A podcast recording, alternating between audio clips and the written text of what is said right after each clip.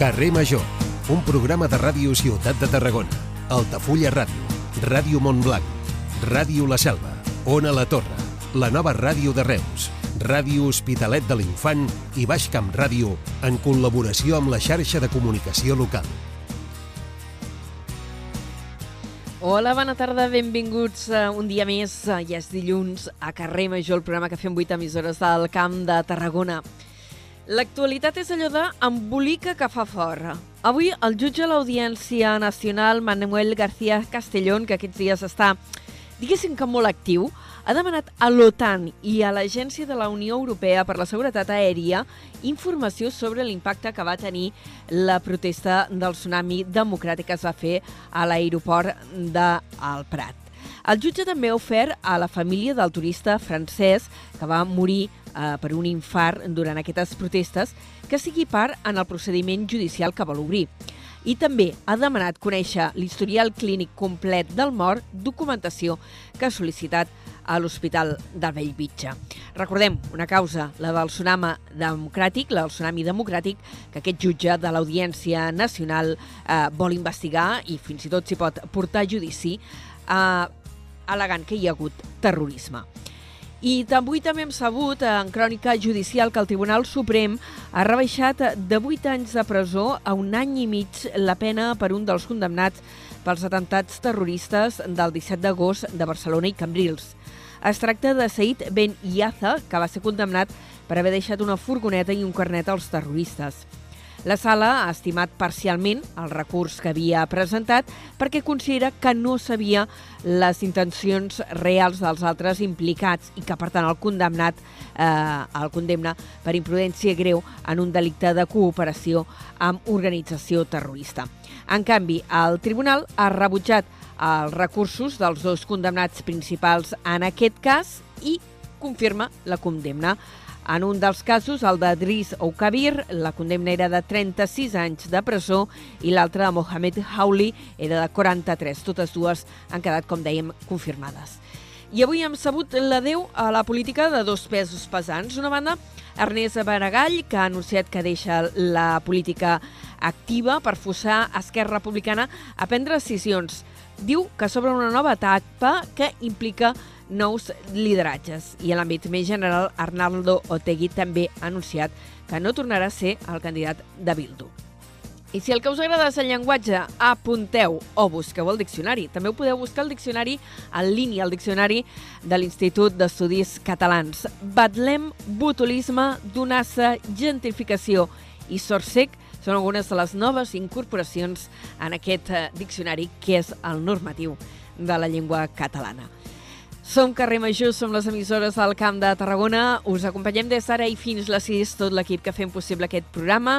Hi ha l'Iris Rodríguez, l'Aleix Pérez, en David Fernández, la Gemma Bufies, la Cristina Artacho, l'Adrià Requesens, en Jonai González, l'Antoni Mellado, Antoni Mateos i jo mateixa, que sóc l'Anna Plaça i us acompanyo aquesta primera hora i en Iago Moreno. Comencem.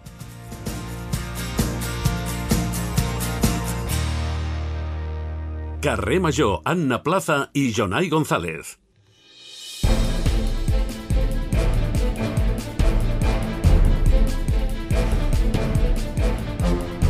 Quatre i set minuts, moment de repassar en forma de titulars, com fem cada dia al principi del programa, les notícies més destacades de la jornada del Camp de Tarragona.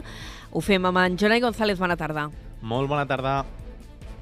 El Tribunal Suprem ha rebaixat de 8 anys de presó a un any i mig la pena per a un dels condemnats pels atemptats terroristes del 17A a Barcelona i a Cambrils. Es tracta de Said Beniaza, condemnat per haver deixat una furgoneta i un carnet als terroristes. La Guàrdia Urbana de Reus ha detingut la presumpta responsable de l'atropellament mortal d'una dona de 89 anys que es va produir divendres. La conductora es va donar a la fuga i va acabar abandonant el cotxe. La policia la va localitzar poc després gràcies a la descripció del vehicle facilitada pels testimonis. Per cert que la darrera hora és que ha quedat en llibertat de càrrecs després d'haver declarat al jutjat. El Departament d'Interior diu que en dos mesos es coneixerà ja l'informe per eh, que estudia la internacionalització del servei del Centre d'Emergències 112. Aquest és precisament un dels motius que va dur al comitè d'empresa a convocar una vaga que encara està vigent. El president de la Generalitat ha inaugurat avui la nova delegació de Catalunya Corea del Sud amb la voluntat d'estranyar relacions amb Àsia i atreure noves inversions. De fet, de Corea del Sud és d'on ha sortit la macroinversió de l'OT Energy Materials per fer una gran fàbrica de components de bateries elèctriques a Montroig del Camp. El Hard Rock torna a prendre protagonisme en la negociació dels pressupostos de la Generalitat. El PSC exigeix al govern que compleixi amb la B40 a l'aeroport i Hard Rock, si els vol, per als pressupostos del 2024. La Generalitat ha tornat a treure licitació el local de l'antic restaurant Iot a la platja llarga de Tarragona. La concessió serà per un període de 6 anys i el cànon mínim és de 30.000 euros anuals. L'anterior licitació es va acabar declarant deserta. Pimec Comerç posa en marxa una campanya a Tarragona per reivindicar la importància del comerç i la restauració local. Més del 85% dels establiments del territori tarragoní s'han adherit a la iniciativa. El Nàstic de Tarragona va golejar el líder de la categoria, la, cate la cultural leonesa, per 3 gols a 0 en el partit que s'ha celebrat al nou estadi. Es trenca així la mala dinàmica de resultats que havia arribat als 7 partits consecutius sense vèncer. L'equip s'acosta de nou a la zona de play-off. I la pel·lícula lituana, lituana Slow s'ha emportat el Premi del Jornat Internacional del Festival REC. D'altra banda, el film sudanès Goodbye Julia ha obtingut el premi a la millor pel·lícula per al jurat de Cineclubs, el Premi del Públic i la menció especial del jurat jove. Doncs moltes gràcies, Jonai. Aquestes i altres notícies les repassarem eh, d'aquí una estona, d'aquí mitja hora aproximadament. Fins després. Fins després.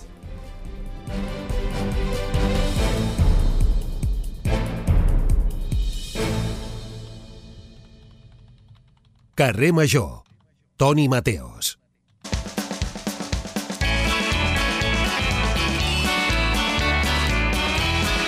Hello.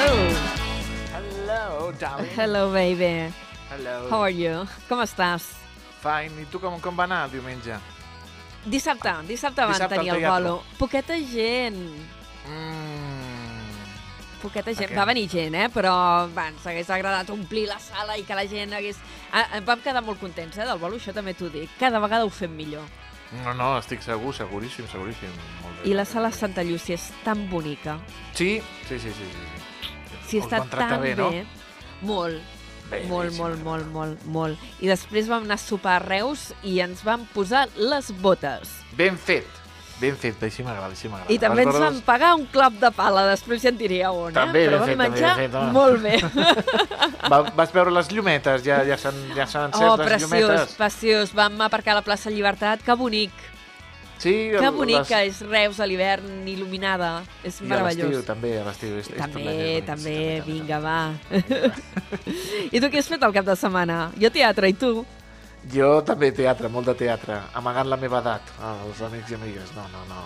De, de sopar, el típic, sopar amb els amics, per celebrar l'aniversari, amb la mama i tot Oh. això. Ai, fill meu, que gran et fa. I Ah, tot que gran et faci, que gran que em faig, i tal també, i que qual. També, també, també, també. Ai, però sempre tan estupendos com ara.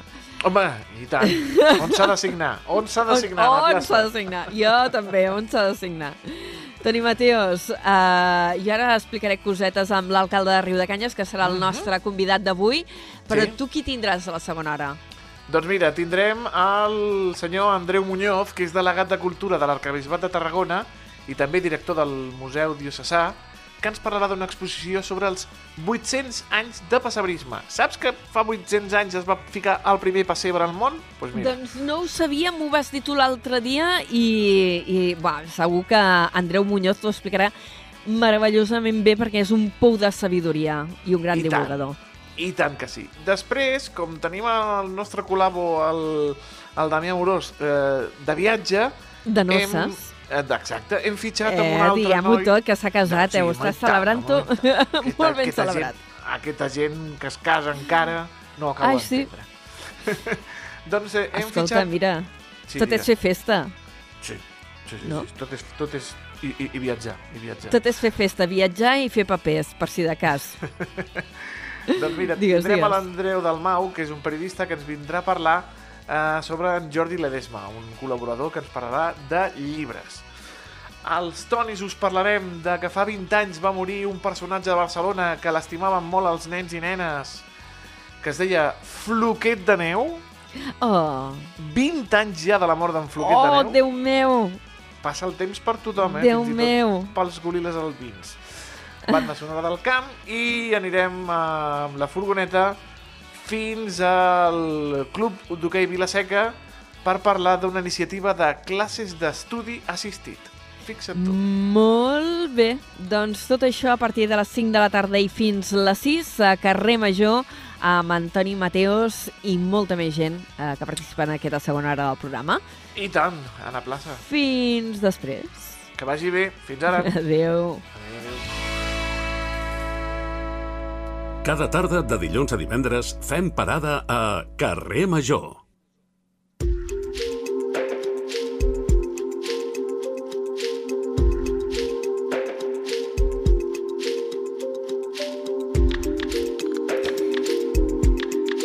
Vinga, va, que d'aquí un minut serà ja un quart de cinc de la tarda i ho hem comentat així de passada. Avui el nostre primer eh, convidat a Carrer Major és l'Ernest Roger. Ell és l'alcalde de Riu de Canyes, també és president del Consell Comarcal del Baix Camp i tenim ganes de parlar-hi per la situació que travessa el pantà i com ha estat el tema de les reserves d'aigua. Senyor Roger, moltes gràcies per acceptar la invitació de Carrer Major i haver-se desplaçat als estudis de la Nova. Gràcies a vosaltres. Teníem ganes de fer aquesta entrevista eh, quan vam veure que a finals d'octubre eh, l'Agència Catalana de l'Aigua emprenia una actuació més o menys d'urgència per retirar peixos del pantà de Riu de Canyes, perquè, clar, les reserves d'aigua són tan baixes eh, que teníeu por eh, que comencés a haver-hi una mortaldat de peixos i això acabés afectant la, la qualitat de l'aigua. S'han acabat ja aquests treballs, alcalde? Sí, aquests treballs concretament estan, estan resolts, estan fets ja. Um, certament vam demanar al Departament d'Acció Climàtica no? aquesta, aquesta actuació des de feia temps perquè ens preocupava ens preocupava aquesta situació, com menys aigua hi ha, el, el volum de, de peixos que hi continua havent són els mateixos, per tant les concentracions d'oxigen cada vegada són més baixes i ens feia patir que si hi havia, ens podien morir molts d'aquests peixos i això hagués provocat doncs, fer malbé la poqueta aigua que, que encara ens queda dia d'avui. Eh, En quina situació el tenim ara al pantà? Perquè quan va començar aquesta operació, que era finals del mes d'octubre, com dèiem, mm, vau dir que estava al 4% de capacitat. Aproximadament estem aquí. Penseu que ara l'única aigua que surt de, del pantà és l'aigua de consum de boca, que és un dels percentatges més, més baixos que hi ha. Per tant, ens movem sobre aquest 4%. Eh, perquè de l'aigua del pantà de Riu de Canyes un, us n'abastiu directament eh, al terme de Riu de Canyes i també al terme de, de Dues Aigües. I teníeu mm, preocupació per la qualitat de l'aigua. Ara que han anat baixant les reserves, que ja s'han retirat aquests peixos, sobretot es va tenir en compte espècies invasores per poder anar fent una mica net també. Eh, com, com tenim el tema de la qualitat de l'aigua? La qualitat de l'aigua fins a dia d'avui la tenim controlada. Per sort tenim la gestió delegada a Com Aigua. Com Aigua és una empresa del Consell Comarcal que ens porta la, la gestió int- integral no? de tot el cicle de l'aigua i qui treballa de valent i posa tots els esforços possibles per poder potabilitzar aquella aigua que tenim avui al, al pantà. Penseu, però, que com més baixa el nivell, les concentracions tant de, de fangs, de, de, de minerals, de, són, són més altes cada vegada, no? Per tant, cada vegada, a mesura que vagi baixant el nivell, es farà més difícil de, de convertir aquesta aigua en aigua, en aigua potable. L'havíeu vist mai així, al pantà? Jo recordo veure'l l'any que es va fer el recreixement de la presa, no així, buit del tot, però realment quan parles amb la gent i sobretot amb la gent gran, no? et parlaven fins fa poc d'alguna anyada de, de fa molts anys que, que hi havia hagut sequeres bastant extremes, però realment com, com ara, com ara, no, no tenim gaires testimonis que ens puguin dir que el recorden haver-lo vist. Uh -huh.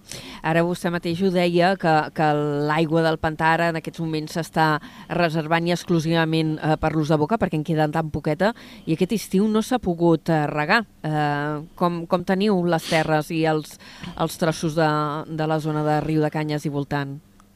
Doncs patint, patint molt. Penseu que des del, des del 9 d'agost, quan entrem en estat d'emergència, es limita a part de, de certes restriccions no? que hi havia que s'estableixen des d'aquell moment, com el consum per habitant o, o algunes restriccions respecte a regar zones verdes, jardins, ja siguin públics o privats, o omplir piscines, el que es fa és suprimir totalment el, el rec. I això és una de les coses que potser enguany eh, la producció d'oliva encara la salvarem, però, però si la cosa no millora i no, no reverteix aquesta sequera de cara a l'any que ve, doncs la situació és bastant més complicada, els arbres pateixen, pateixen molt, hi ha arbres que, com tot el secà, no? que és possible que mori, tot l'avellaner i l'oliver li afectarà la seva floració a l'hora de, de, de tornar a produir de cara a l'any següent el, el, les oliveres en principi són arbres una mica més resilients, eh, però sí que des d'Unió de Pagesos havien dit que estaven molt preocupats pels avellaners, que en aquest cas sí que si no hi ha aigua, si no es poden regar, eh, són molt sensibles i, i podem tenir ja casos de, de mort d'arbres que l'any que ve ja no produeixin. Si heu trobat el terme de Riu de Canyes? Ens hi trobarem, ens hi trobarem segurament, malauradament, eh, ens hi trobarem. Enguany aquell any que encara es podia salvar no, les collites d'alguna manera, però el que realment és preocupant, mira, perdre la collita d'un any, suposo, vull creure no, que des de les administracions s'ha d'intentar repercutir d'alguna manera en positiu cap, a, cap al pagès, en aquest cas, però una cosa és perdre la collita d'un any i l'altra és perdre els arbres. Perdre els arbres vol dir perdre molts anys i perdre la matèria primera, no? que després d'aquí és on, on es sustenta tot el, tot el de més. Uh, hi ha hagut afectació evident uh, per tota aquesta situació uh, a l'agricultura i el turisme que, que us ha afectat a, a Riu de Canyes i voltant, perquè clar, anar a veure el pantà també és una de les excursionetes típiques que, que es fan aquí al territori. Heu notat menys visitants o al contrari, el fet de veure'l tan buit ha tret gent? Pot semblar curiós, però jo crec que no ens hem vist repercutits a nivell de turisme perquè per dos factors. Eh?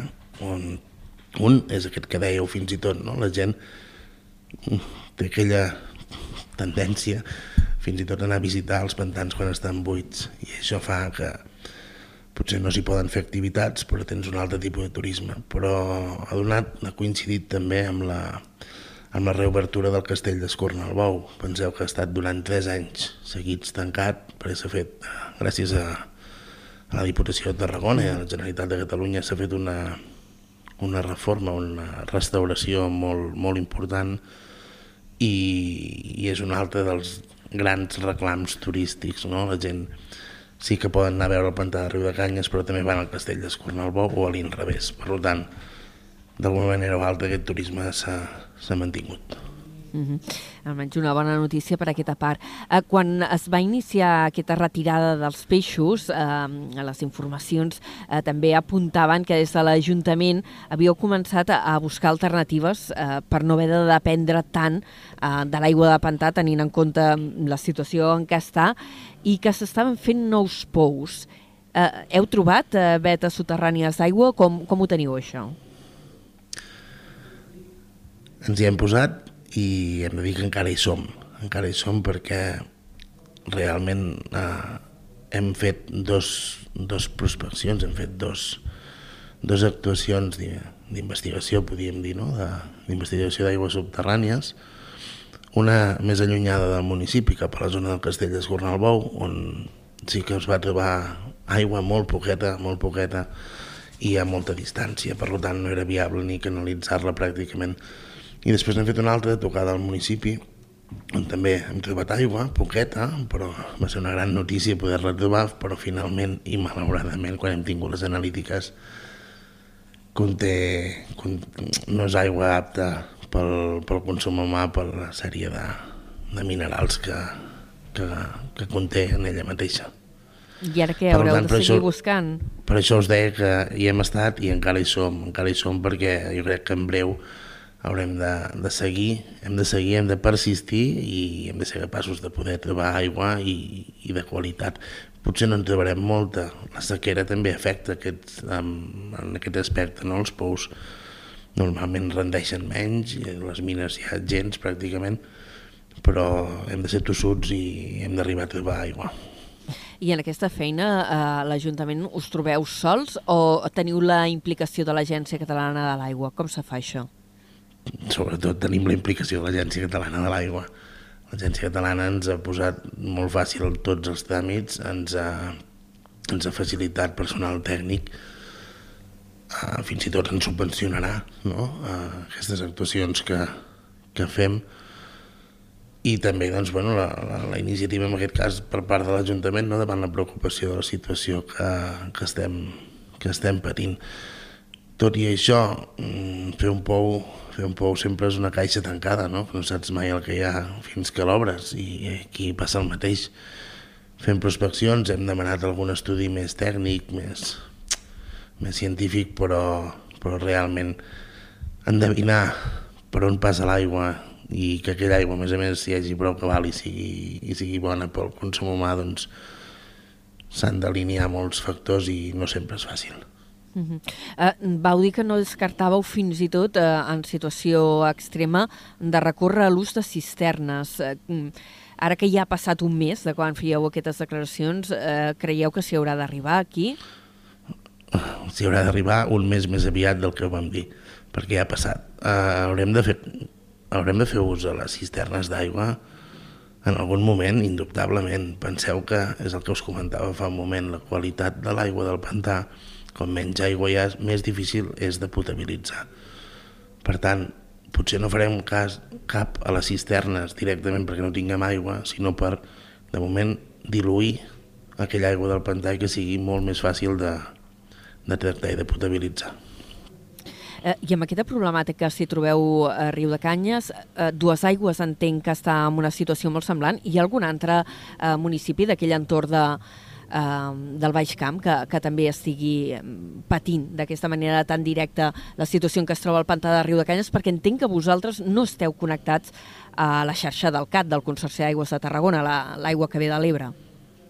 No, a veure, en principi, en major, en major o major menura, o menor mesura, eh, tots els municipis estem patint a dia d'avui, no? Hi ha molts municipis que, per desgràcia, fa molts mesos que, que s'han de vestir amb cisternes d'aigua. Per això a Riu de Canyes, tot i que l'única font que tenim és l'embassament de Riu de Canyes, eh, de moment hi tenim prou aigua com per anar subsistint, no? I encara ens queda l'opció aquesta d'arribar a diluir-la. Em comentàveu sobre el CAT del Consorci d'Aigües. Mm, Sí. A dia d'avui no hi estem connectats. No sé, mai es pot dir d'aquesta aigua no en veuré, ja que parlem d'aigua, i, i no sabem no, si, si el dia de demà hi acabarem connectats. Uh, el que sí que tenim clar és que no, ens podem, no podem estar només a l'expectativa de vestir-nos del pantà sol. O hem de ser capaços de trobar altres fonts d'aigua com poden ser els pous, o si no potser ens haurem de plantejar alguna solució com la que dèieu ara de connectar-nos a, a la xarxa. Eh, de fet, una altra solució que va plantejar Unió de Pagesos quan, quan es va dir no, no, aquest estiu no regarà. És igual la, la situació en què estiguin els avellaners, aquest estiu no es podrà regar amb aigua del pantà de Riu de Canyes. Unió de Pagesos va demanar eh, la connexió amb la depuradora de Reus eh, per poder-ne eh, reaprofitar l'aigua, encara que només sigui per al rec. Des de l'Ajuntament de, de Riu de Canyes doneu suport a aquesta proposta? I tant, i tant, i tant. Uh, estem a l'època que, que vivim, no? I amb el que preveiem que ens vindrà d'aquí en endavant, hem de ser capaços de d'aprofitar, de reutilitzar l'aigua, vingui d'on vingui, uh, ja sigui a través de desaladores o en aquest cas a través de sistemes terciaris no? de, de tractament d'aigües residuals. Aquestes aigües realment ben tractades és que ens podien donar la solució a, a l'aigua de rec. Pensem que quan es parla de la depuradora d'aigua de Reus és una aigua que és constant, és constant i fixa, no? a més a més quantificable, tant en entra i tant en surt a la depuradora. Per tant, podíem tenir resolt tot el rec de bona part del, del Baix Camp, només amb aquesta aigua penseu que representa gairebé el 70% de l'aigua que surt del pantà de Riu de Canyes. -huh. I ara li demano que per aquest tema precisament es posi el barret de, de president del Consell Comarcal del Baix Camp i esteu jugant algun paper amb aquest projecte de cara, no sé, de negociar amb l'Agència Catalana de l'Aigua o amb l'Ajuntament de Reus perquè s'acceleri tot el tràmit? Sí, ens canviem de barret. De- sí, re, sí, sí, realment. A veure, no podem, no podem obviar-ho no? a, nivell, a nivell comarcal i el que sí que fem hem tingut moltes coordinacions, ja sigui amb la comunitat de regants, amb l'ACA, amb el Departament d'Acció Climàtica, i realment s'intentarà ajudar a col·laborar a Espanya de la manera que, no? que, que en siguem capaços. Aquest, de moment, com a mínim, aquesta primera actuació que seria aprofit, l'aprofitament d'aquestes aigües residuals de Reus acabi sent una, una realitat i com més aviat millor, perquè el temps ens juga a la contra. Mm, enguany ja no hi vam ser a temps. Eh, li han dit a veure si de cara a l'estiu vinent eh, podria ser una realitat o encara no. Tant de bo, tant de bo. No s'ho puc avançar perquè no, ni, ni, ni ho sé ni em correspon eh, poder avançar una notícia com aquesta tan esperada, però tant de bo. Uh, alcalde, hi ha alguna actuació més urgent com aquesta que d'ara fa un mes de la retirada de peixos del pantà de Riu de Canyes que s'hagi de fer ara de manera immediata o més o menys la situació està estabilitzada? No, jo crec que la situació a partir d'ara està estabilitzada. Riu de Canyes, en aquest cas, no? la gent està ben conscienciada, tenim uns consums, tot i que els tenim limitats no? pel, pel decret d'emergència de 200 litres per habitant, estem amb un consum sobre uns 120 aproximadament. Um, crec que la gent és molt curosa, um, és prudent, la gent està optimitzant no? I, i reaprofitant l'aigua. A vegades els veïns t'ho expliquen no? i t'expliquen com posen la galleda al costat de la dutxa per aprofitar aquella aigua abans no surt calenta o com recullen la, la poca aigua que els hi resta d'algun lloc o altre no? per poder per poder reaprofitar i veus que la gent està mentalitzada. M'imagino que el fet de veure el pantà buit també mm, deu ajudar a conscienciar, no? Perquè és allò de... Eh, moltes vegades es diu, com que l'aigua surt de l'aixeta, no, potser no som prou conscients de, de la situació de sequera, però vosaltres la veieu físicament, la veieu cada dia allí Jo crec que la veiem, i, la veiem i la vivim, el pensar que cada un se sent seu, no? allò que té a casa seva.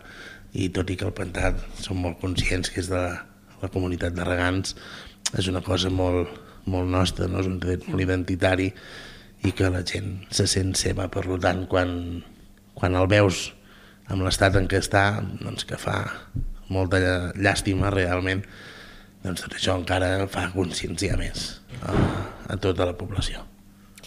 Avui hem conversat amb l'Ernest Roger, l'alcalde de Riu de Canyes, arran de la problemàtica de l'aigua. Evidentment, com us podeu imaginar, li agraïm moltíssim eh, que hagi vingut avui a- al nostre programa, a Carrer Major, i tant de bo trobin pous. Tant de bo, tant de bo. Tant de bo. Us ho vindrem a explicar quan els trobem. I tant de bo plogui. Ara no sé a Reus com esteu, però aquí a Torre d'Embarra està molt gris i amb una mica de sort cauran encara que siguin quatre gotes. Llàstima és que només són quatre, ja no en Ja. gaire de ploure. No en sap gaire. Alcalde, moltes gràcies. Fins la propera. Moltes gràcies a vosaltres, un plaer. Adéu-siau. Igualment. Carrer Major, a la teva ràdio de proximitat.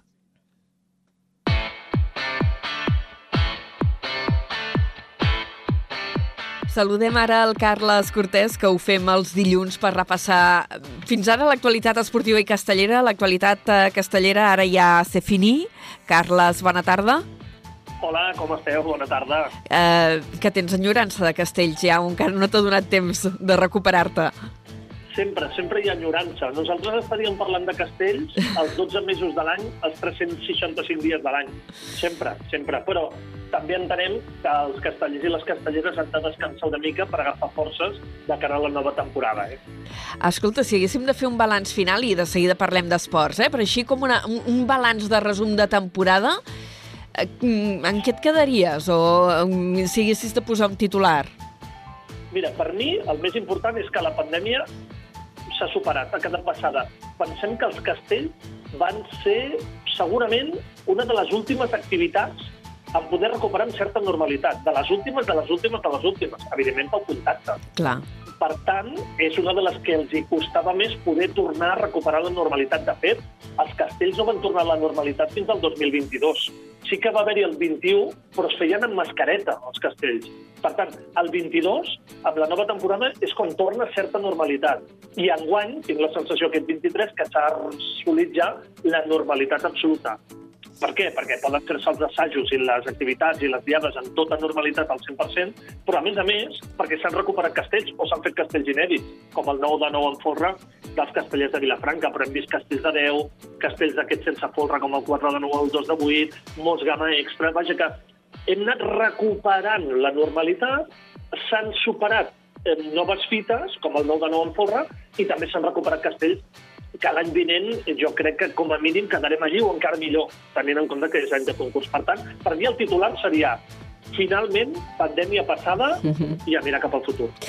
Vinga, va, uh, Carles, hem fet aquesta petita reflexió allò per no deixar la cosa dels castells de banda del tot, val? tanquem temporada, més o menys. Anem a parlar ja dels ports, de, de resultats al cap de setmana i el Nàstic, bueno, eufòrics, no? No sé si la paraula és eufòria, però alegria sí, perquè el Nàstic necessitava guanyar. Ja ho dèiem la setmana passada, es van encadenar set jornades de Lliga sense guanyar, més l'eliminatòria del Copa, per tant, vuit partits sense guanyar. La veritat és que havia tranquil·litat a l'entorn, no hi havia nervis, hi havia la intranquil·litat de que necessites guanyar, però no la intranquil·litat de s'ha de fer fora l'entrenador, s'han de canviar els jugadors... No, no, això no havia passat en set jornades, però sí que és veritat que hi havia la intranquil·litat de necessitar guanyar. I segurament es va guanyar el millor dia. Per què? Perquè visitava el líder al nou estadi de Tarragona. I tu guanyar el líder i com el vas guanyar és guanyar tres punts, però una mica més. Tres punts més la confiança, més recuperar moltes sensacions. 3-0, porteria 0, el de, els davanters marquen, genialitats d'alguns jugadors... O sigui, va ser gairebé el partit perfecte, el pla perfecte va ser aquesta victòria 3-0. El Nàstic, per tant, torna a guanyar, és una bona notícia continua a la zona mitja alta de la classificació, està tocada la promoció de 100, a 5 punts del líder. D'alguna manera és trencar una mala ratxa. S'havia de trencar com fos. S'ha aconseguit i ara veurem quin és el camí que agafa aquest equip. Si agafa una altra bona ratxa, com va fer les sis primeres jornades de Lliga, o intenta ser regular, allò que un dia guanyis, un dia empatis, un dia guanyis, un dia perdis, un dia guanyis, veurem quin camí agafa, si el de ratxa positiva, ratxa negativa, o el d'intentar aconseguir la regularitat. Uh, pròxima cita pel Nàstic? Doncs serà diumenge a partir de les 6 de la tarda a Salamanca contra Unionistes, que és un equip de nova formada que es va crear ara fa uns anys allà a Salamanca, diumenge a partir de les 6 de la tarda. I a priori un partit fàcil o, uh, o difícil? Anna, no hi ha res ni fàcil ni difícil en aquesta categoria. O sigui, jo em, em, em, em reconec incapaç per batejar un partit fàcil o difícil ja en aquesta categoria de primera federació. Perquè, a més, aquesta setmana hi ha hagut sorpreses. Partits d'aquells que tu deies, mira, aquest està a la part baixa, aquest està a la part alta, per tant, és un partit fàcil. Doncs guanya el de la part baixa. Per tant, estic incapacitat absolutament per això. Doncs el cap de setmana que ve ho veurem. Uh, I els altres partits, de, els altres equips del territori, els de tercera federació, com els hi ha anat? Doncs eh, gens bé, gens bé. Tres equips, tres derrotes. El Reus va perdre 1-0 al camp de l'Oló, la Pobla de Mafumet va perdre a casa 0-1 contra el Vilassar i la Rapitenca 1-0 al camp del Prat. Per tant, nefasta la jornada de la tercera federació, el Reus continua en promoció d'ascens, la Pobla està a mitja taula, desena, la Rapitenca continua cuera, és d'aquells dies que millor pensar en la pròxima jornada de la Lliga i no mirar enrere. Doncs va, canviem d'esport, anem a parlar va. de bàsquet. El CBT amb canvi d'entrenador, ja, ja ho dèiem, eh, que la setmana passada encara es va fer públic a la tarda el canvi d'entrenador, sí. després d'haver parlat tu i jo. Mm, potser una mica més de bona imatge pel que he llegit, però el resultat negatiu encara.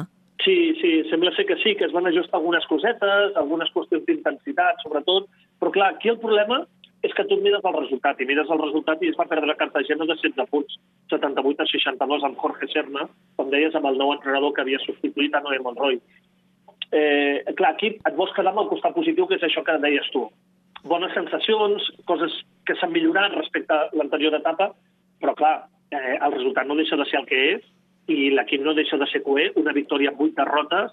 Aquest equip li costarà molt. Aquesta temporada serà dura, eh, serà llarga i serà de tenir el màxim de paciència possible i saber que el Club Bàsquet Tarragona lluitarà segurament fins l'últim dia per evitar el descens de categoria.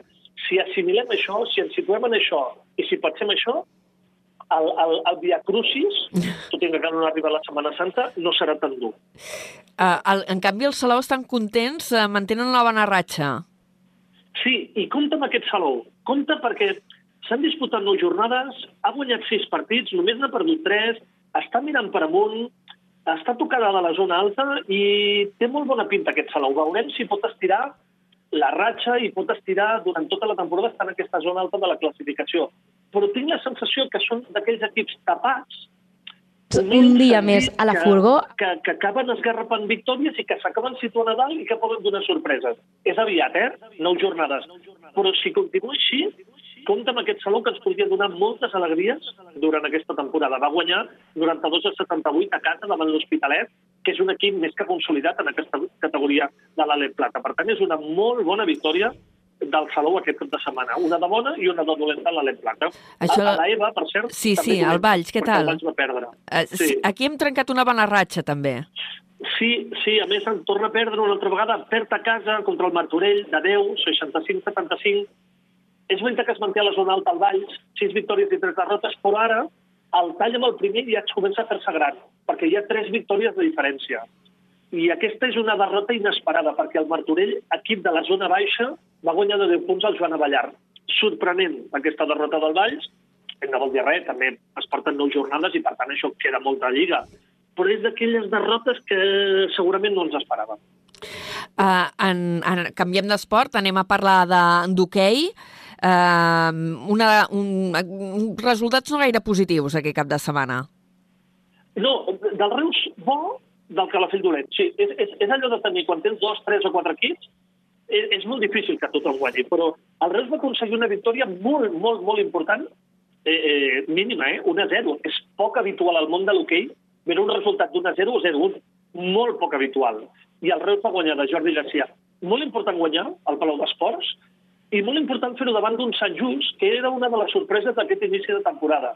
El Sant Just està per damunt de la classificació i fins i tot va arribar a ser líder en les primeres jornades. Per tant, és una- victòria de prestigi eh, i a més a les portes de la Lliga Europea, de la, de la Champions League, que tornarà durant la setmana, ara ho explicarem. Per tant, eh, victòries d'aquelles d'agafar confiança, d'agafar aire.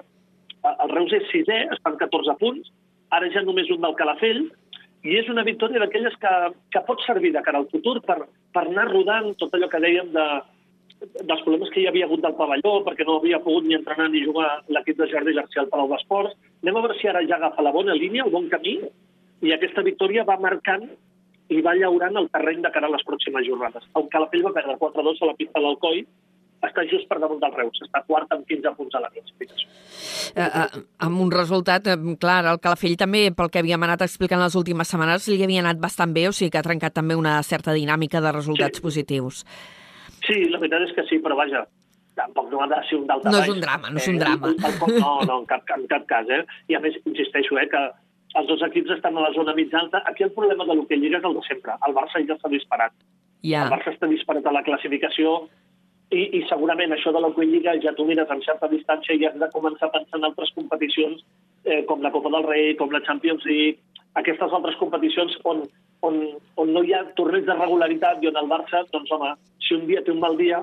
Doncs igual s'ho pega. Tu pots fotre mà, en perdó de l'expressió, i per tant intentar eliminar-lo d'una competició de l'altra. I ara ho esmentaves, que ara aquesta setmana que ve reprèn la, la Champions, uh, la Lliga Europea, fase nova d'hoquei?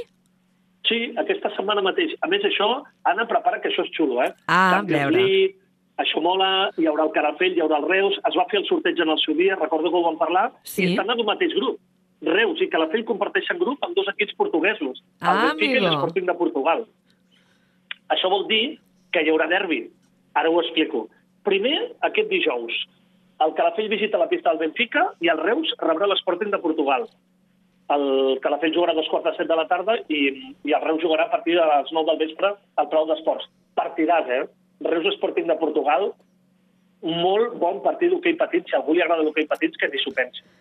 I a la segona jornada, aquesta serà la primera jornada d'aquesta fase, a la segona, això, eh, això perquè t'ho apuntis a l'agenda, Anna, eh? 14 de desembre, Sí. Calafell-Reus, el derbi. Europa. veus? És això que dèiem, hi haurà derbi? Doncs n'hi haurà. Molt bé, 14 de desembre, apuntat. Eh, Però derbi a Europa, eh? A la màxima competició de l'hoquei patins europeu, derbi Calafell-Reus, eh? O sigui que és d'aquells dies que, que, que si a un aficionat li agrada molt l'hoquei patins, no es pot perdre un partit com aquest. Vinga, va, doncs prepararem crispetes. Uh, Carles, uh, anem, anem superapurats de temps. Uh, només, ràpid. només per dir, el vòlei Sant Pere i Sant Pau mm, ja van sols, no? Ja no cal ni que diguem res. Han guanyat i No, punto. no, guanyant, una altra vegada. 8 de 8. O sigui, és el de cada setmana. 8 partits jugats, 8 victòries, 0-3 a la pista del Valàcia, un equip de Lleida, per tant, imparable l'equip de Sant Pere Sant Pau, eh, camí de buscar l'ascens, que ja veurem si arriba o no. Ho dic perquè com a mínim jugarà a la fase d'ascens, això segur. Vaja, m'estranyaria molt que ara hi hagués un d'alta baix a la temporada. Després ja veurem si pot pujar una. Però de moment, 8 jornades, 8 victòries, imparable. Doncs amb el vòlei Sant Pere i Sant Pau imparable, acomiadem el Carles Cortés fins la setmana vinent, que tornarem a parlar i analitzar els resultats esportius del cap de setmana, que ja veiem que es presenta intens. Fins la Perfecte, pròxima. Doncs la setmana vinent més. Una abraçada. Igualment, Carrer Major, al Camp de Tarragona, des de ben a prop. Quan falta un minut de tres quarts de, de cinc de la tarda, encetem el tram informatiu d'aquesta primera hora de carrer Major. Avui comencem destacant que el Tribunal Suprem ha rebaixat de 8 anys de presó a un i mig la pena per un dels condemnats pels atemptats terroristes del 17A a Barcelona i Cambrils. Es tracta de Saïn Ben Iasa, que va ser condemnat per deixar una furgoneta i un carnet als terroristes. Jonai González, bona tarda de nou. Molt bona tarda. La sala ha estimat parcialment el recurs que havia presentat. Considera que no sabia les intencions dels altres implicats i, per tant, el condemna per imprudència greu en un delicte de cooperació amb, organ amb organització terrorista. En canvi, el tribunal ha rebutjat els recursos dels dos condemnats principals i també de les acusacions i, per tant, manté les penes que ja se'ls va imposar. Recordem que l'Audiència Nacional va condemnar Drissou Kabir a 36 anys de presó i Mohamed Huli Semlal a 43 anys per pertinença a organització terrorista, fabricació i tinença d'explosius i d'estrells i lesions imprudents. La Guàrdia Urbana de Reus ha detingut la presumpta responsable de l'atropellament mortal d'una dona de 89 anys que es va produir divendres. La conductora es va donar a la fuga i va acabar abandonant el cotxe. Els fets es van produir a la plaça de la Llibertat quan un vehicle va embestir la víctima que estava passejant amb el seu fill. Diversos testimonis van poder aportar dades sobre el cotxe que va fugir. Així, la policia el va poder localitzar poc després a l'avinguda de Maria Fortuny. El cotxe tenia desperfectes al xassis i al retrovisor. Des de llavors, la seva titular i conductora estava fugida i aquest migdia agents de la Guàrdia Urbana l'han arrestat. La dona ha quedat en llibertat amb càrrecs després de declarar als jutjats. Més qüestions. El Departament d'Interior diu que en dos mesos es coneixerà l'informe que estudia la internacionalització del Centre d'Emergències 112. Internas... Internalització, volem dir. Aquest és precisament un dels motius que va dur el comitè, el comitè d'empresa a convocar una vaga que encara està vigent. Des de la nova ràdio de Reus ens ho explica en David Fernández. Representants del comitè d'empresa del Centre d'Emergència 112 reunien el passat divendres amb el Departament d'Interior, el qual es va comprometre a donar a conèixer l'estudi d'internacionalització del servei en un termini de dos mesos. El comitè d'empresa creu que l'informe ha de ser favorable perquè així obliga l'acord que van subscriure tots els partits al Parlament.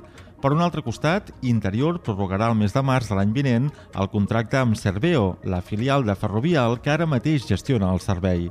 Tot i així, el conseller d'Interior, Joan Ignasi Helena, s'ha compromès també a mediar en les negociacions entre l'empresa concessionària i el comitè de vaga perquè escoltin les demandes i queixes dels treballadors i es busquin solucions fins que s'internalitzi l'estructura, un procés que no es podrà materialitzar en tan sols dos mesos.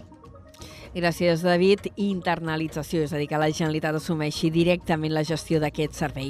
Abordem ara una notícia mig camí entre l'economia i la política i amb una implicació col·lateral amb el nostre territori. El president de la Generalitat ha inaugurat avui la nova delegació de Catalunya a Corea del Sud amb la voluntat d'estrenyar relacions amb Àsia i atreure noves inversions.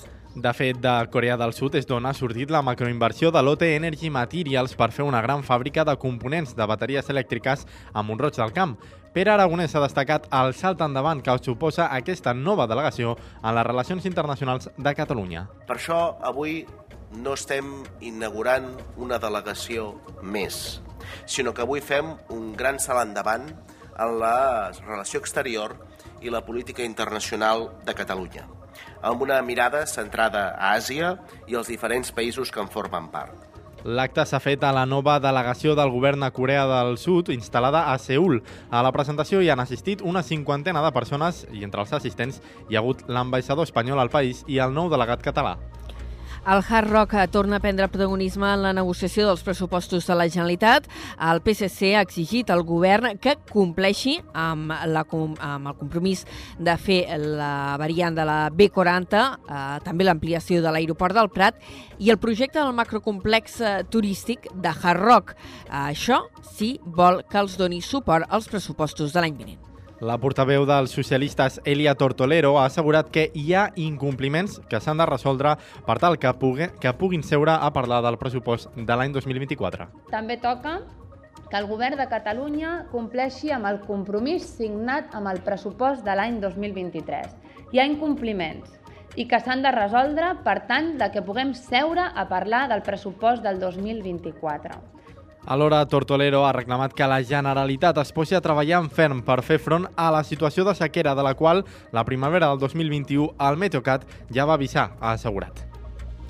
El diputat reunit de Junts al Congrés, Josep Maria Cruzet, ha posat en marxa una oficina del diputat per apropar la seva feina a la gent del territori. Cruzet és portaveu adjunt dels Juntaires al Congrés i també formarà part de diverses comissions parlamentàries, com la de pressupostos, indústria, turisme i agricultura. També formarà part de la comissió d'investigació dels atemptats del 17 d'agost.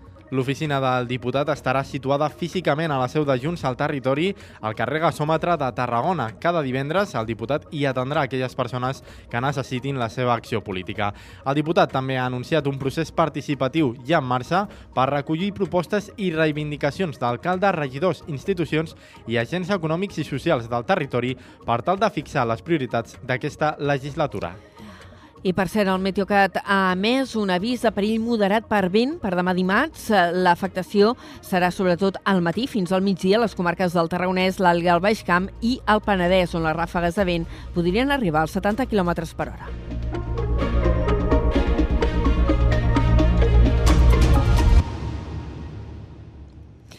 La Generalitat ha tornat a treure licitació al local de l'antic restaurant Iota a la platja llarga de Tarragona. Segons s'ha publicat avui al Diari Oficial de la Generalitat de Catalunya, la concessió serà per un període de 6 anys, per tal que la llicència acabi al mateix temps que la del restaurant La Sardineta. El cànon mínim de licitació és de 30.000 euros anuals i les ofertes es poden presentar fins l'11 de gener del 2024. Recordem que a l'agost de l'any passat la Generalitat va adjudicar el local de l'IOT a l'empresa Tucan 2016, però dos mesos més tard el concurs es va declarar de cert perquè l'empresa va presentar la documentació fora de termini. Eh, Junts eh, per Tarragona, ara parlem de política local, ha confirmat que votarà que sí als pressupostos municipals en el ple que es farà aquest dimecres. El portaveu del grup Jordi Cendra assegura que els socialistes haurien acceptat el 95% de les peticions. Ens ho amplia des de Radio Ciutat de Tarragona la Júlia Bellver. Segons Junts, propostes com un pressupost per l'Oficina de Promoció del Català, l'adquisició de drons i càmeres de vigilància, l'avantprojecte de la remodelació del passeig marítim de la Mora o la necessitat de trobar una solució legal al tema dels anuncis en les instal·lacions municipals s'han aconseguit gràcies a la seva iniciativa. El portaveu i conseller del Partit Municipal de Tarragona, Jordi Cendra, afirma que el 95% de les propostes de Junts per Catalunya han estat acceptades pel govern. Nosaltres vam dir que faríem propostes i que abans de decidir el nostre vot comprovaríem els comptes i si ens agradaven i eh, eh, ens acceptaven les propostes que els hi fèiem, doncs que actuaríem en conseqüència. Eh, nosaltres ho hem estat revisant, hem estudiat els seus comptes, no hem pres cap posicionament sense veure'ls i avui els els he de dir, amb alegria per part d'aquests regidors, de que ens han acceptat el 95% de les peticions que els hi han fet. Des de Junts s'ha felicitat l'alcalde del municipi i a la tinent alcalde d'Hisenda amb motiu d'assolir que s'aprovin, després de molts anys, els pressupostos al mes de novembre i per la seva majoria importantíssima. Valls ha començat aquest dissabte la temporada calçotades amb l'arrencada simbòlica del primer calçot.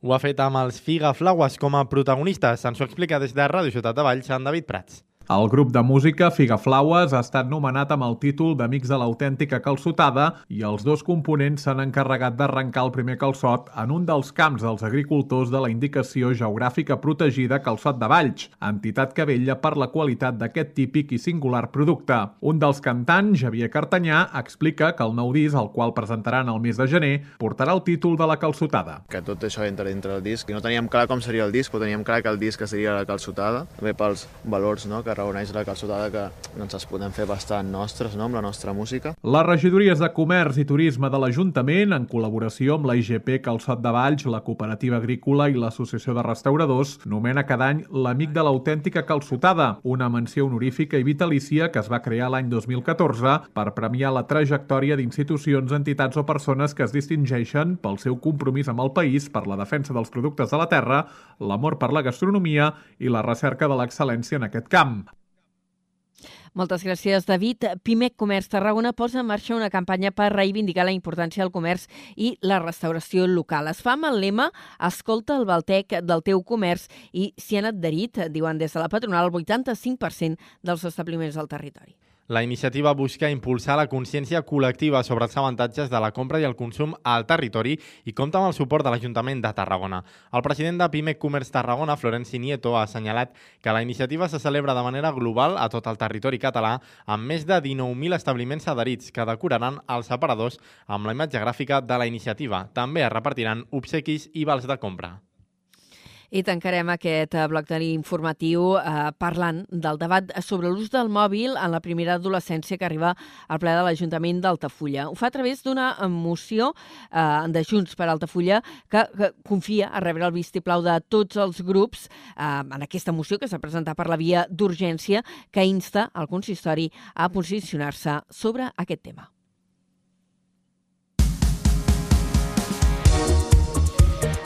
Ens queda poc temps, però volem repassar resultats esportius. El Nàstic de Tarragona va golejar el líder de la categoria, la, la cultural Leonesa, per 3 gols a 0 en un partit disputat al nou estadi. D'aquesta manera es trenca la mala dinàmica de resultats que havia arribat als 7 partits consecutius sense guanyar. L'equip s'acosta ara de nou a la zona de play-off. Va començar bé el conjunt visitant, impedint els inicis incisius del Nàstic, però pràcticament a la primera ocasió dels granes la pilota va acabar al fons de la xarxa. Jaume Jardí va marcar un golàs amb un xut exterior des del vèrtex dret de l'àrea de Banyuz. Va continuar amb més pilota la cultural, però el Nàstic no va concedir cap oportunitat de perill en la primera meitat. La Diana arribava minuts abans del descans amb una passada sublim d'Andy Escudero que Pablo Fernández va rematar sobre el porter primer per acabar empenyent-la en el rebuig. A la segona part, Pablo Trigueros apareixia per posar el 3 a 0 i per arrodonir la bogeria, Baro va aturar un penal al tram final que l'àrbitre va xiular sobre Joan Oriol. El Nàstic se situa així a la sisena posició de la classificació a només 3 punts de la zona de play-off. I l'Alep Plata, el CB Salou, eh, segueix amb una dinàmica espectacular i ha sumat la sisena victòria de la temporada. Aquesta jornada també el CBT no ha aconseguit capgirar la dinàmica, tot i el canvi a la banqueta. Els blaus van millorar la imatge, però van caure per 78 a 62 davant el Cartagena. I en hoquei hem de dir que el Reus Deportiu Virgínies ha guanyat per la mínima el Sant Just. Es tracta d'un dels equips revelació de l'hoquei Lliga masculina de la temporada. I ens queda no res, qüestió de segons. Només us apuntem qui són els guanyadors de la Festival REC. La pel·lícula Slow s'ha emportat el Premi del Jurat Internacional del certamen. Eh, d'altra banda, el film sudanès Goodbye Julia ha obtingut el Premi a la millor pel·lícula per al jurat de cineclubs, el Premi del Públic i també la menció especial del jurat. I en periodisme, els treballs insostenibles de Sense Ficció i Tarragona com Respires de Tarragona Ràdio s'han endut els Premis Camp de Tarragona dels Premis Manyer i Flaquer. Tanquem així la primera hora de carrer Major. Adéu.